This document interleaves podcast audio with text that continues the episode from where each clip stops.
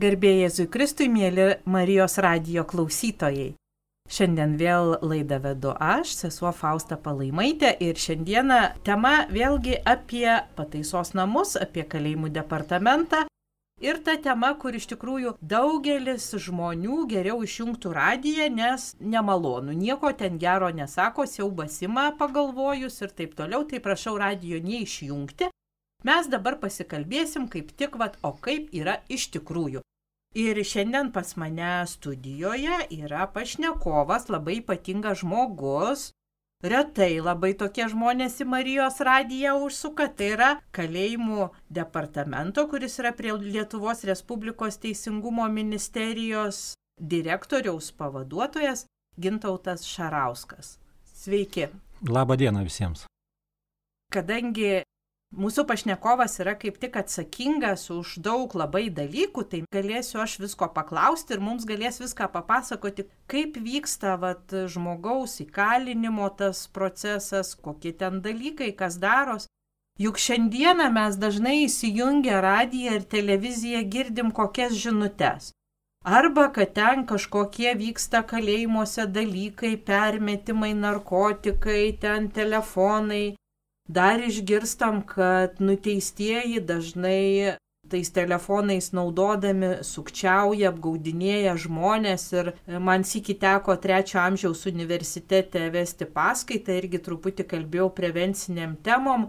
Ir kai paklausiau, kiek iš jūsų yra skambinę ir aiškinę, kad jūs turit padiktuoti savo ten kažką tai sąskaitos duomenis, tai praktiškai beveik visi vyresnio amžiaus žmonės pakėlė ranką. Tai vat, dažnai žinom, kad tokia veikla užsiema ir nuteistieji. Turi daug laiko ir nuo ryto iki vakaro skambina. Tai visus šitos dalykus norėsim įsiaiškinti. Dabar pastaruoju metu vėlgi nenutrūkstamos žinutės eina apie tai, kad pabėgo, negryžo į kalinimo įstaigą. Ir žmonės ima siaubas, nu tai kaip čia jie ten dirba, kad čia va bėga kas nori ir negryžta. Šiandieną labai noriu pakviesti pažiūrėti visus šitus reikalus, šitus dalykus visai iš kitos pusės, iš mūsų krikščioniškos pusės.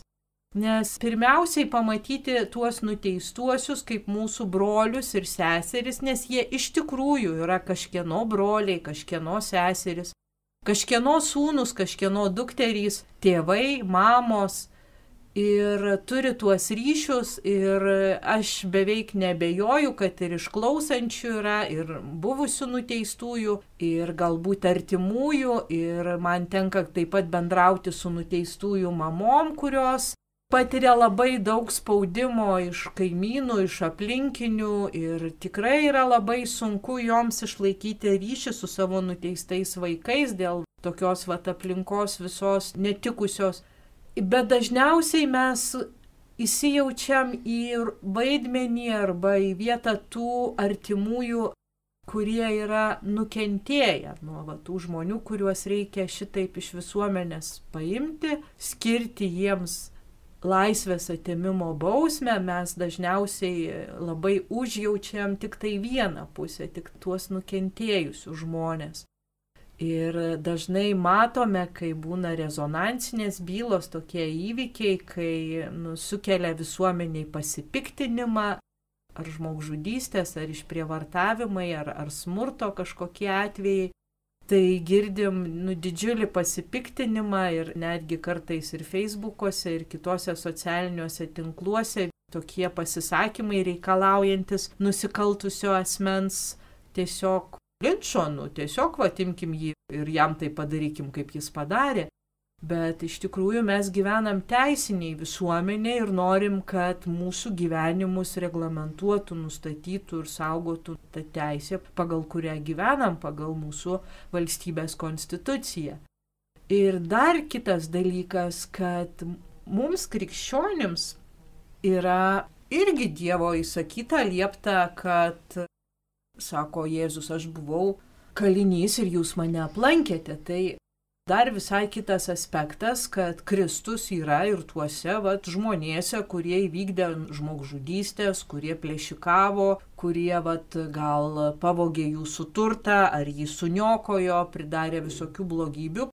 Pasirodo, Kristus visai nuo jo nesitraukė Ir mums, kaip krikščionėms, netgi yra pareiga arba kvietimas arba palaiminimas, kad mes išvelgtume tuose žmonėse kenčiančio Kristaus veidą.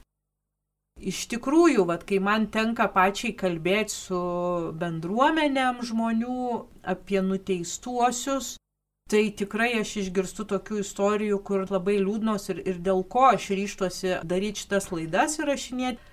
Pavyzdžiui, Šeštadienį aš keliavau ir trakose sustikau vieną šeimą ir moteris pasakojo, kaip jų kolektyve dirbo žmogus, dirbo gerai, sėkmingai, visus atlikdavo reikalus, buvo mandagus, gerbiamas iki tos dienos, kol jisai prisipažino, kad yra atlikęs bausmę įkalinimo įstaigoje ir prisipažino, kad yra atlikęs tą bausmę už nužudimą. Tai spėkit, kiek jis dar savaičių padirbo tam darbe, kol jį tiesiog paprastai liaudiškai sakant, išėdė iš ten. Tai labai nedaug. Kol mūsų visuomenės toks požiūris bus į nuteistuosius, iš tikrųjų tai čia tų nusikaltimų nemažės. Tai dabar ką tam žmogui daryti? Jisai stengiasi. Jisai per tą laiką, kol buvo įkalinimo įstaigoje, pasitaisė, apsisprendė dirbti, nebevokti, nebe kažkaip tai sukčiauti, dirbo, įsidarbino ir kol vat pasisakė, paaiškėjo, sužinojo, kad jis yra teistas, teistas už sunkų nusikaltimą. O tai ką dabar jam daryti? Eit kitą žmogų nužudyti ar ką? Ar vok dabar eiti? Nežinau, kiek mes visi kaip visuomenė žmonės, va ta didžioji dalis jaučiamės nesaugus, kad negalim primti tų žmonių, kurie bando keistis, Bet neprimdami jų mes dar nesaugesnę visuomenę sukūrėm, nes o kur jiem dėtis tada reiškia, jiem lieka galimybė tik gyventi lygiai taip pat. Tai šiandien ne apie e, nuteistųjų reintegraciją, o apie visą bausmių sistemą, kaip jinai veikia, kaip atrodo, kas joje vyksta, kaip buvo, kaip yra ir kokie pokyčiai. Tai Gintautai, pirmiausiai noriu aš jums užduoti tokį klausimą, kuris man labai rūpi, taip sakant, tokias aukštas pareigas užimančiam žmogui. Ar jūs vaikystėje svajojot dirbti kalėjimuose?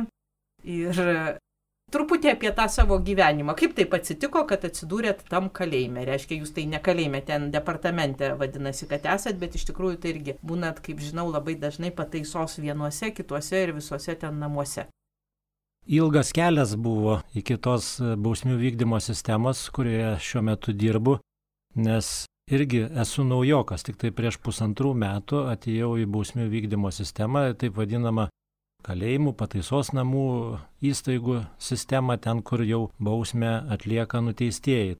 Tik tai pusantrų metų, tai aš dar tik tai gilinosi į kai kuriuos tikrai labai specifinius dalykus. O apskritai ir vaikystėje, tai kaip, kaip kiekvienas normalus vaikas turbūt prisibijojo ir tų kalėjimų ir pagazdindavo tais kalėjimais, nes e, jau elgtis reikia taip, kad jį nepakliūtum. Tai čia normalu, manyčiau, ir kiekvienoje šeimoje tiems mažiems vaikams turbūt dažnai priminama, kad jeigu jau nusižengsi, tai ir ateitis gali laukti nekokia. O šiaip statutinėse struktūrose aš jau esu 30 metų. 90 metais, tai prieš 31 metus, būtent įstojau į Lietuvos policijos akademiją. Tai tuo metu buvo įkurta jau nepriklausomoje Lietuvoje tokia mokymo įstaiga Lietuvos policijos akademija, na ir mes ten buvom pirmoji laida. Iš visos Lietuvos jaunuoliai stojom tikrai su didžiuliu azartu, norėdami tose struktūrose tikrai kitaip dirbti, kitaip e, jau ir tos teisės pažeidėjus galbūt išsiaiškinti ir nusikaltelius gaudyti ir taip toliau, to jaunatviško azarto pilni. Tai vad buvo pirma ta mokymo įstaiga Lietuvos policijos akademija ir ten buvo ruošiami trijų krypčių studentai, tai būtent tardytojai vadinami, tyrėjai kriminalinės policijos, kriminalinės žvalgybos darbuotojai. Trečioji buvo naujovė, tai būtent penitencinės teisės, o būtent bausmių vykdymo sistemos busimi darbuotojai. Tai tuo metu aš pasirinkau kriminalinės žvalgybos, kriminalinės policijos tą vadinamą kryptį ir policijoje išbuvau 15 metų. Pats esu radviliškėtis iš Radviliškio krašto, jeigu visiškai tiksliai, tai iš Baisogalos seninijos, Tai ir pavadinimas tas baisogala, sako, baisus galas, ten laukdavo pirklių einančių keliu, tai vat, tas kraštas galbūt ir nulėmė, kad kažkada atsiradau ten, kur ir baisiau, ir baisus tas kelias laukia tų nusikaltimus padariusių asmenų, nes jiem tikrai reikia praeiti tą kelią, kol atlieka tą bausmę. Jūs pačioje pradžioje minėjote, na, kaip ten yra tuose kalėjimuose, kaip ta visuomenė turėtų keistis ir žiūrėti į tą nusikaltelį. Tai aš galiu pasakyti, kad, na, vis dėlto situacija keičiasi.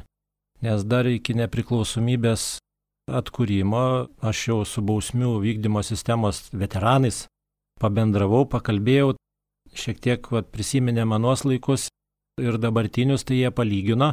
Tai prieš atkuriant nepriklausomybę įkalinimo įstaigose buvo apie 17 tūkstančių nuteistųjų bendras skaičius. Tai šiandien dienai aš galiu pasakyti, kad mes visose įkalinimo įstaigose turime tik tai apie 5 tūkstančius nuteistųjų.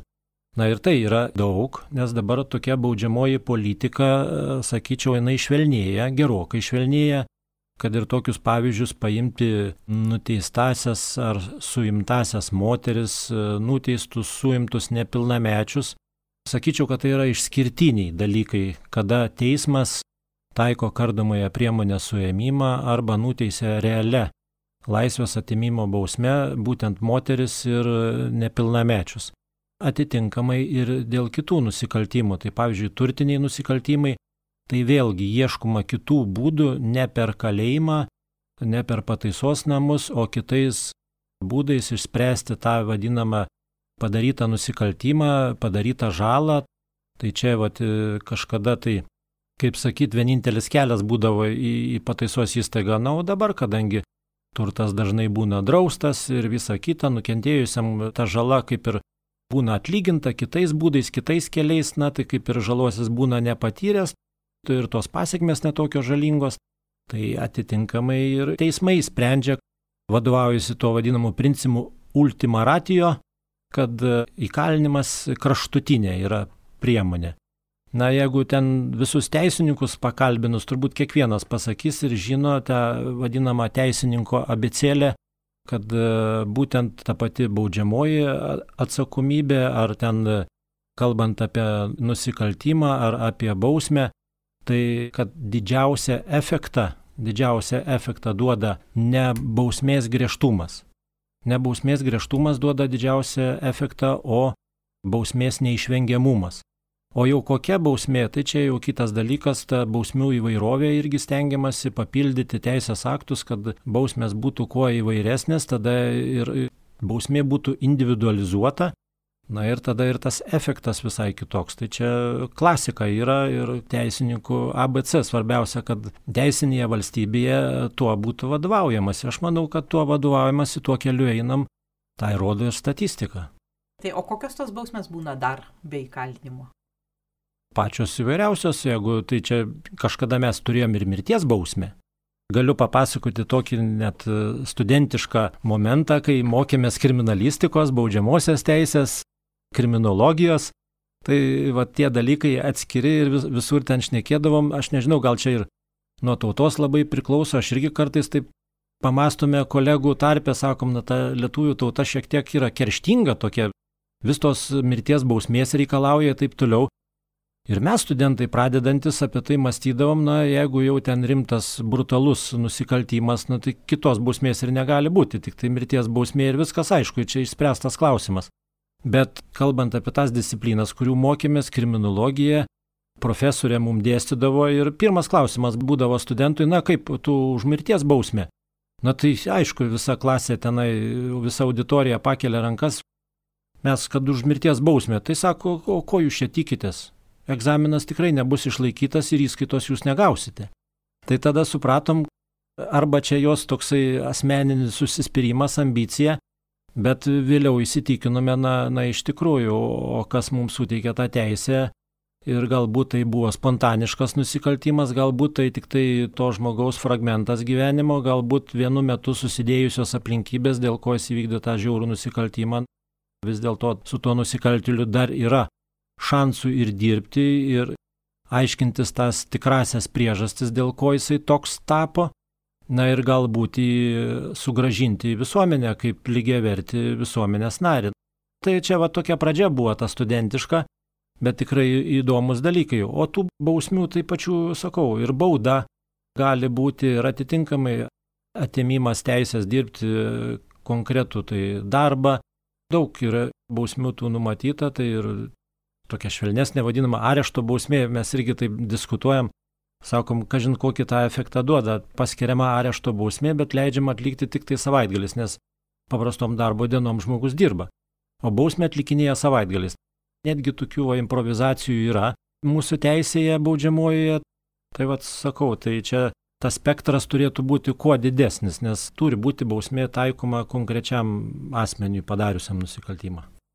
Manau, dar vienas dalykas, į kurį reiktų atkreipti dėmesį, kadangi aš pati pataisos namuose dirbu jau virš dviejų metų ir tikrai, kam tenka lankytis, ar artimuosius lankyti, ar savanoriauti, tai pirmas tas jausmas, vaizdas įėjus pro vienus vartus, kitus vartus, ten tos grotos, tos vėlos, pareigūnai rušiais veidais, nu ne visi rušiais, bet pasitaiko ir tokių, tai iš tikrųjų sukelia tokį vat baugų vaizdą. Tačiau dirbant ilgiau man konkrečiai su bausmę atliekančiais žmonėmis, su suimtaisiais, aš pradėjau truputį kitaip matyti tą vietą, pradėjau matyti vietą, kur žmonės kelia pirmą kartą gyvenime klausimus kažkokius. Pavyzdžiui, praeitą trečiąjį aš buvau Marijampoliai Ir ten susitikau su vyrais, kurie nuteisti iki gyvos galvos, tai dabar jau yra galimybė viltis, kad jie gali, žodžiu, išeiti po tam tikro laiko.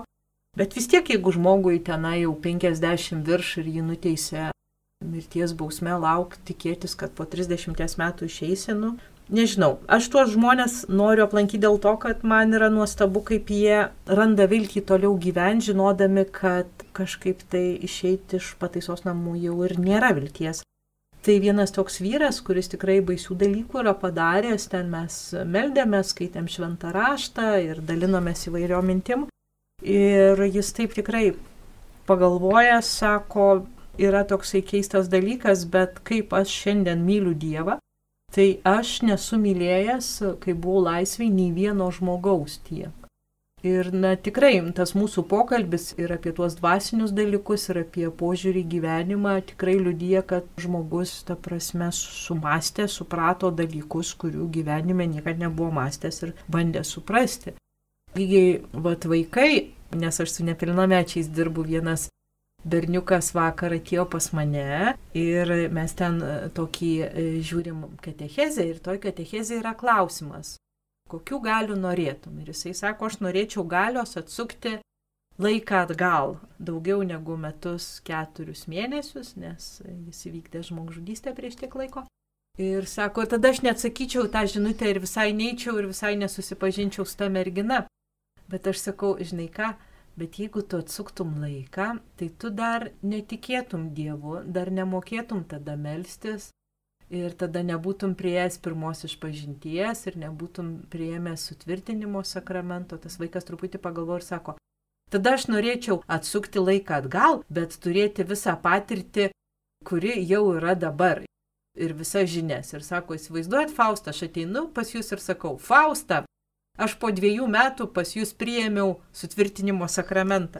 Tai žodžiu, iš tiesų ne tik yra neviltis tenai, smurtas, kažkoks tai blogis, bet tai yra tokie maži šviesos blyksniai, kurie nušvinta tiem žmonėm galbūt pirmą kartą gyvenime ir didelė dalim tie šviesos blyksniai yra dėl savanorių ir dėl žmonių, kurie ateina, skiria laiką ir su jais asmeniškai daugiau bendrauja Aišku, jie turi bibliotekas, turi sportavimui skirtas vietas, gali žiūrėti televizorių, jeigu yra didelio noro, gali studijuoti knygas, praktiškai visi studijuoja visus baudžiamus kodeksus ir visas kitas teisinės knygas. Beveik visi labai daug sportuoja ir jeigu jūs ateisit į pataisos namus, tai tikrai sutiksite labai išvaizdžius vyrus, šviesiais veidais, nes didžioji dalis neturi galimybės arba nenori ieškoti būdų vartoti tuos narkotikus ar alkoholį, sportuoja, maitinasi sveikai, daug ko neprisimaitinsi, kiek ten yra. Ir vaizdas tikrai, nu, netrodo ten labai toks beviltiškas. Vienintelis dalykas tai, kad tų žmonių akise dažnai nėra šviesos tokios kibirkštėlės, džiaugsmo ar kažkokio tokio gyvenimo skonėjimuose, nes tai tokia yra vat, sudėtinga vieta. Tai šitoks mano vaizdas kaip sielovado specialistės. Noriu gintauto paklausti, kai jūs atėjote į bausmių vykdymo sistemą, iš tikrųjų juk mes žinome, kad šita sistema, na tikrai jinai nespėja taip sparčiai eiti į priekį, kaip sakykime, ten policijos ar prokuratūrų, kur dalykai tikrai labai sparčiai persitvarkė ir Iš tikrųjų, gal ir su bausmių vykdymo sistema dar yra didžiulė problema ta, kad ne tik mums neužtenka kažkaip tai bandyti pakeisti ten pareigūnus, pareigūnų požiūrį, nes yra pačių nuteistųjų ten tos kultūros, subkultūros, visokios suopračiai, kaip kas turi būti, visokios vidaus taisyklės, kur tiesiog mūsų atėjusius mokina jie ten, kaip turi būti, ko jie gali, ko jie negali, kas jiems primtina, kas neprimtina. Kaip jūs matot visą tą situaciją, kaitą ir kokius savo uždavinius kėlėt, kai atėjot, apsisprendėt vis dėlto ateiti šitą tarnybą? Taip, kaip ir minėjau, tai dirbau visai kitose tarnybose ir kriminalinėje policijoje, po to 12 metų dirbau valstybės sienos apsaugos tarnyboje, būtent pagėgių rinktinėje, ten taip pat administravau padalinius tyriančius nusikaltimus vykdomus per valstybės sieną, tai ir priekyba žmonėm, ir kontrabanda, ir neteisėtas užsieniečių gabenimas per valstybės sieną, va sakykime, kas čia dabar šiandien dienai aktualu va iš Baltarusijos vyksta, didžiulė tokia vadinama gyvoji kontrabanda iš kitos šalies. Lyg ir nebuvo tokių didelių planų ateiti į bausmių vykdymo sistemą. Iš ties galima tikrai pasakyti, kad investavimas į bausmių vykdymo sistemą Lietuvos valdžioje, na, nebuvo prioritetas. Nebuvo ten tiek investuojama, kad bausmių vykdymo sistemoje atsirastų naujos įkalinimo įstaigos.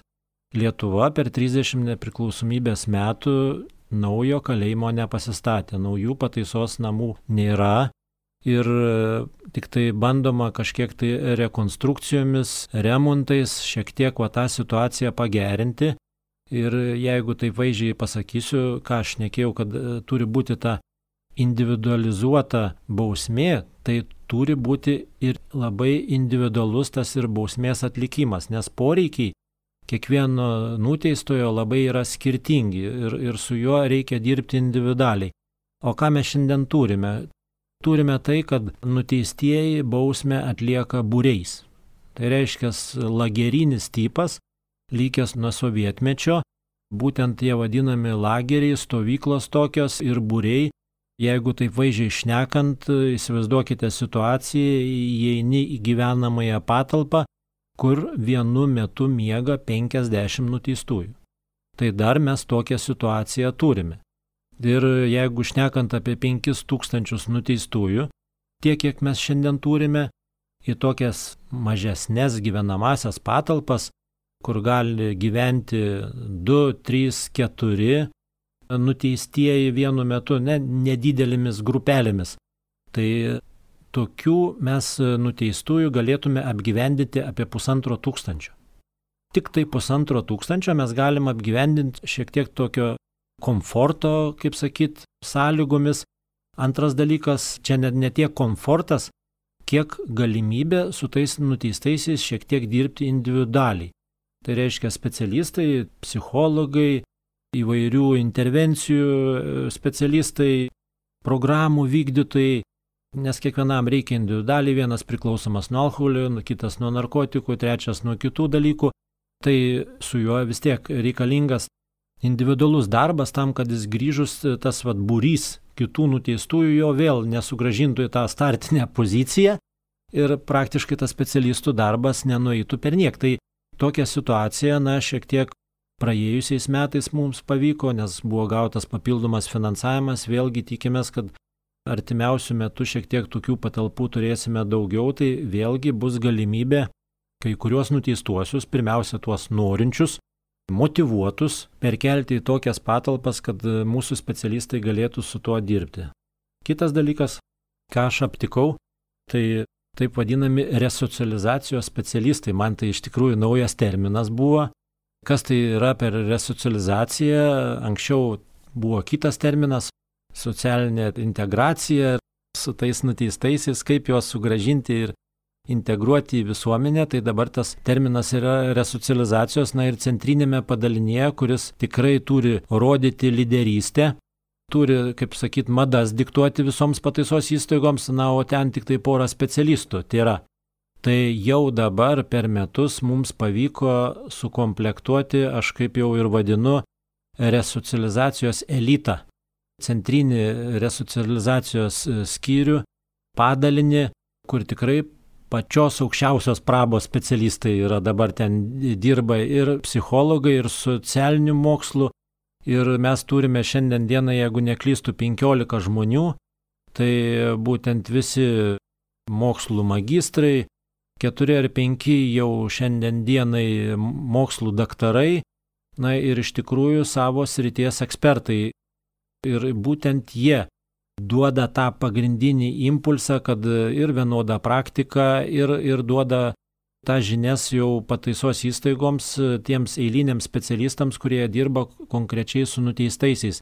Manau, kad su laiku resocializacijos procesas, na, iki šiol daug kas jį įvardino kaip podukros ar posunio vietoje bausmių vykdymo sistemoje, nors tai būtent pagrindinis procesas, kuris ir turi būti plėtojamas tam, kad nuteistieji į laisvę atlikę bausmę jau išeitų nebe tokie pikti. Ir jūs kaip minėjote, kad va, per tuos laisvės atimimo metus, kad jie kažką tai veikia, na ir iš tikrųjų reikia, kad jie maksimaliai tą laikotarpį išnaudotų investuodami į save. Žinios, knygos, mokslas, darbas, maksimalus užimtumas ir taip toliau, bet vėlgi grįžtų prie to pačio. Infrastruktūra tikrai labai prasta pas mus, tie lopimai kažkiek tai kompensuoja, bet tai to maža tam, kad e, būtų galima tą nelaisvių metą išnaudoti, kad e, tie nuteistieji jau taptų kitokie. Na, tikrai didelė pagalba iš nevyriausybinių organizacijų, iš įvairių socialinių visuomeninių organizacijų, net ir pavieniai, kaip jūs ir minėjote, savanoriai.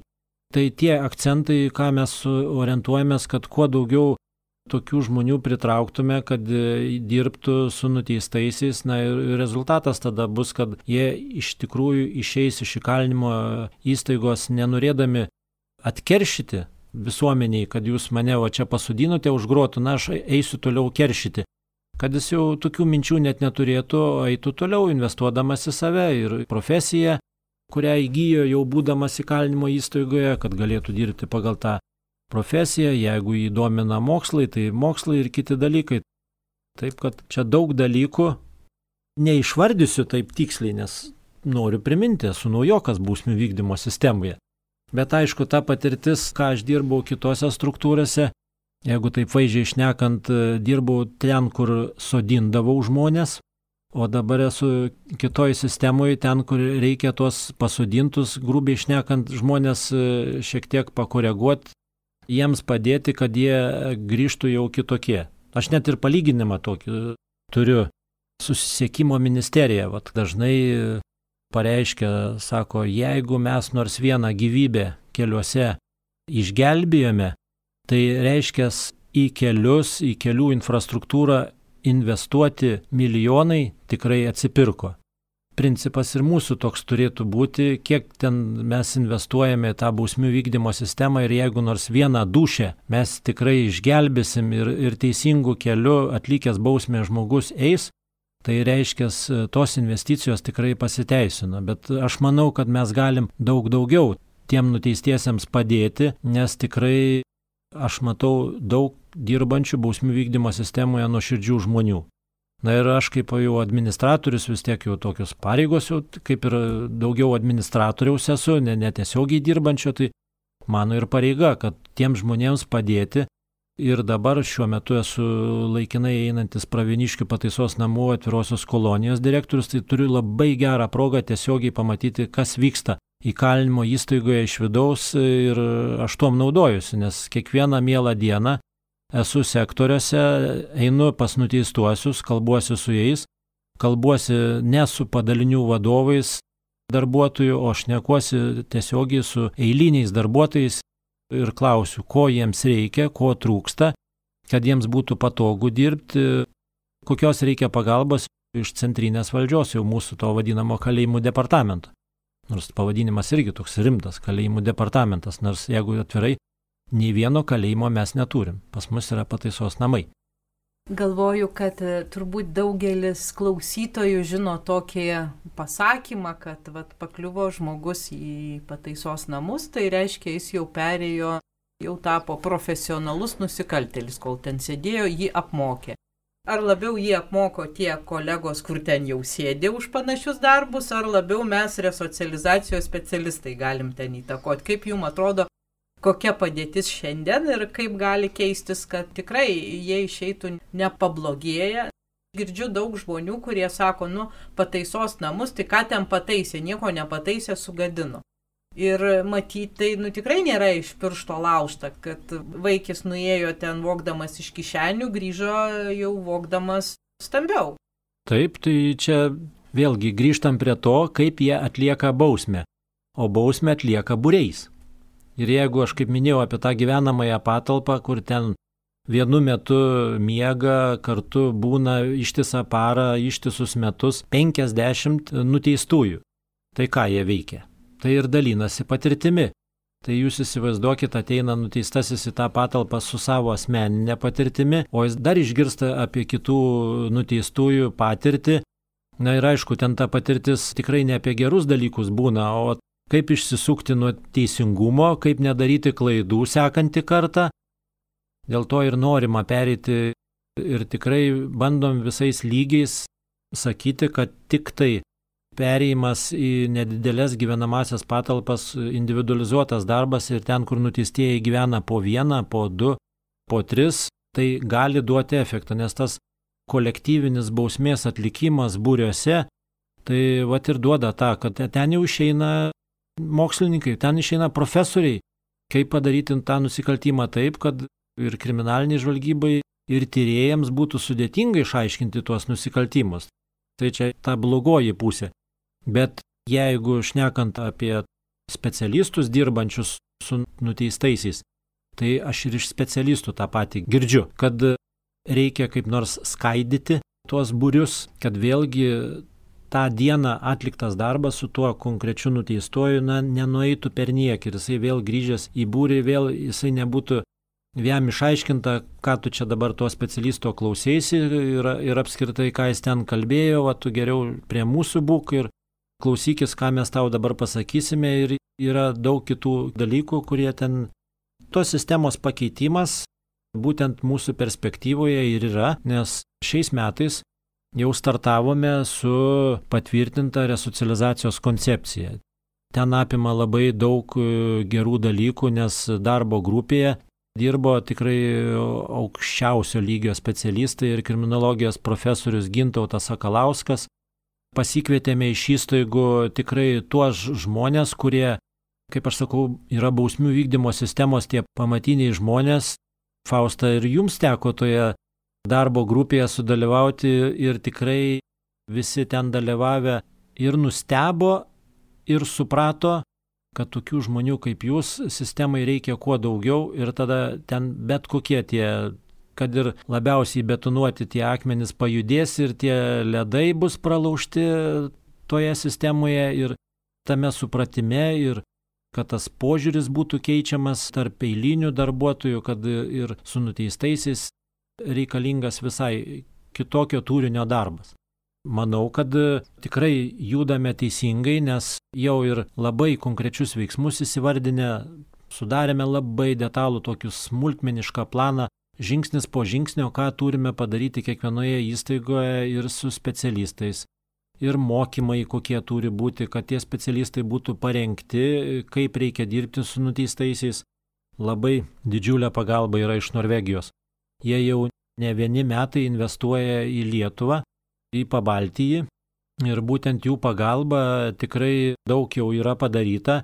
Na ir dabar startavo projektas ten beveik 20 milijonų. Ir būtent prioritetas tai mokymo centras, kuriame būtų ruošiami specialistai bausmių vykdymo sistemai. Aišku, čia tie dalykai galbūt daugiau ateičiai skirti, bet šiandien dienai, ką mes turime padaryti, tai ir jūs turbūt, Fausta, dar daug pavyzdžių galite pasakyti, kad reikia tiems darbuotojams visiškai keisti savo bendravimą. Bendravimą ir tarpusavyje, ir su nuteistaisiais, tai jau didelis būtų žingsnis į priekį visus jaunus žmonės, kurie klausotės šitos laidos, aš noriu pakviesti prisijungti į šitą mūsų sistemą, ryštis būti pareigūnais ar psichologais įstaigoje, ar savanoriais, ar galbūt kažkas tai turit savo įmonę, pabandyti irgi pasižiūrėti, galbūt galima pas mus būna į tam bausmių vykdyme irgi tokios situacijos, kai jau nuteistasis jisai yra labai sąmoningas, yra pasitaisęs, turi didelį norą dirbti, galbūt jūs galite savo įstaigoje įdarbinti jeigu prie jūsų netoli yra kažkur tai kalinimo įstaiga ir, ir žmonės yra gavę tokią teisę dirbti mieste, o paskui toliau grįžti vakare į kalinimo įstaigą, kur atlieka bausmę, iš tiesų yra labai svarbu net jeigu mūsų kalėjimų departamentas su visa veikla, su visa sistema, su visais pareigūnais, na, pasikeistų taip, kad jau čia būtų tokio vat norvegiško lygio mūsų bausmių vykdymo sistema, labai didelė dalis tenka visuomeniai, kaip jie žiūri į tuos žmonės, kaip juos priima ir kaip toliau juos palydi. Tikrai aš nesumažinu rūpeščio nukentėjusiai žmonėm, kuriuos nuskriaudė tie žmonės padarė nusikaltimus. Ir tiem ir tiem reikia dėmesio. Tačiau šiandien kadangi esu šitoje savo tarnybos vietoje, šitoje pusėje, noriu garsiai aiškiai pasakyti, kiek svarbus yra jūsų palaikymas vatų nuteistųjų artimiesiem. Jeigu kas turi draugus pažįstamus, kaip yra svarbu, kad jūs nenustotumėt su jais bendrauti, susirašinėti. Dažnai žmogus gavęs bausmę ilgesnę už sunkų nusikaltimą sako, na, dar pirmus antrus metus kažkas rašo, kažkas skambina, o paskui nieko ir sutuoktiniai palieka, ir draugai užmiršta. Tai jei turi tokių žmonių, neužmirškit, nepalikit. Labai svarbi yra jūsų malda už juos. Labai svarbu yra, jeigu tikrai jų nieks nelanko, kad vieną kitą kartą per metus aplankytumėt, pažiūrėtumėt į akis. Nes jūs dabar išreiškėte, vat, nu tą visuomenės požiūrį. Ir jeigu jie jaučia tik tai, kad jie dabar jau padugnės, apleisti, atmesti, ir nebeprimtini, tai mes patys savo kenkiam, nes jiem nieko kito nelieka, kaip vat vėl taip patelgtis. Tai kviečiu draugauti mintimis, žodžiais, palaikymu, maldomis, savanorystė ir visais kitais būdais. Ir aišku, žinokim, kad tie žmonės tikrai yra jų tas elgesys sužeistas, pažeistas ir tokių būna gražių atvejų, vat pas mane jaunimui aš dažnai ieškau, kas susirašinėtų su jais ir palaikytų, taip sakant, atsiųstų naujų minčių. Ir kartais va tie, kurie susirašinėja, pakliūna į tokią keblę situaciją, jie jaučia, kad iš jų kažko tai reikalaujama, daiktų, kažkokių tai lengvatų, kažkokių tai dalykų. Tai būkim budrus, būkim gudrus, bet būkim iš tikrųjų patys savo visuomenės kuriejai ir rūpinkime ir savo saugumu, bet ir tų žmonių, kurie paklysta irgi grįžimu į bendruomenę, į visuomenę. Tai mano toks palinkėjimas ir prašymas Dar prieš paskutinį žodį suteikiant gintautui noriu priminti, kad šiandien laidoje dalyvavo kalėjimų departamento direktorius gintautas Šarauskas ir dalinomės apie bausmių vykdymo sistemą, jos pokyčius ir visus kitus naujus dalykus. Tai iš tikrųjų kaip ir darbas bausmių vykdymo sistemoje, taip ir šis pokalbis radio stotyje, tai man čia nauja patirtis bet apie tuos dalykus būtina kalbėti, gal aš čia negerai pasakysiu apie mūsų ir tikslus, na tikrai norisi bausmių vykdymo sistemoje pasirūpinti tais nuteistaisiais, kuriais niekas ir per daugiausiai ir nesirūpina. Mes juk matome kai kuriuos nuteistosius, aplink kuriuos šukinėja ir advokatų krūvos, ir didžiuliai pinigai sukasi, ir, ir iš tikrųjų teisinės paslaugas aukščiausio kalibro gauna, bet norisi tai kitai grupiai nuteistųjų, bet aišku, pirmiausia tiems, kurie to nori, kuriems reikia tos pagalbos, jiems padėti. Na ir aš manau, kad e, tikslai bus. Jūs e, laidos pradžioje užsiminėte, kad ten bėga iš atvirųjų kolonijų ir taip toliau. Tai va, vėlgi, naudodamasis progą, noriu pasakyti, kad ta baudžiamoji politika švelnėja, na ir bausmių vykdymo sistemoje norime, kad e, kuo daugiau nuteistųjų iš uždaro režimo būtų perkelta į tą atvirą režimą. Į atvirą koloniją, kur tikrai nėra uždaryti nuteistieji, jie tik tai yra stebimi, šiek tiek prižiūrimi, tačiau jie laisvai gali vykti į mokymo įstaigą, laisvai vykti, dirbti, į sveikatos priežiūros įstaigas gali vykti čia. Norvegijos projektas dėl pusiaukelės namų įgyvendinamas ir numatyta plėtra. Tai mes jau turime tam vadinamam atvirame režime. Jau šiandien dienai mes turim virš 400 tokių nuteistųjų, kuriems suteikiamas toks šansas. Na, ne visi sugeba jo pasinaudoti ir, kaip matome, kartas nuo karto nuskamba tie tokie negryžimai. Tas, aišku, laisvas gyvenimas turi daug įvairiausių pagundų, na ir kai kurie iš jų susigunda. Na bet aš manau, kad ateitis tikrai šviesi laukia bausmių vykdymo sistemos, nes resocializacijos procesas dabar jau pritraukia tikrai geros, aukštos kvalifikacijos specialistų, savo darbų tikinčių žmonių, na, o mes kaip e, vadovai turime tik tai tam ir padėti, kad viskas žygiuotų tik į priekį. Tai ačiū už kvietimą. Dėkoju už pokalbį, mėly Marijos radio klausytojai, likite su Marijos radiju, sudė. Viso gero.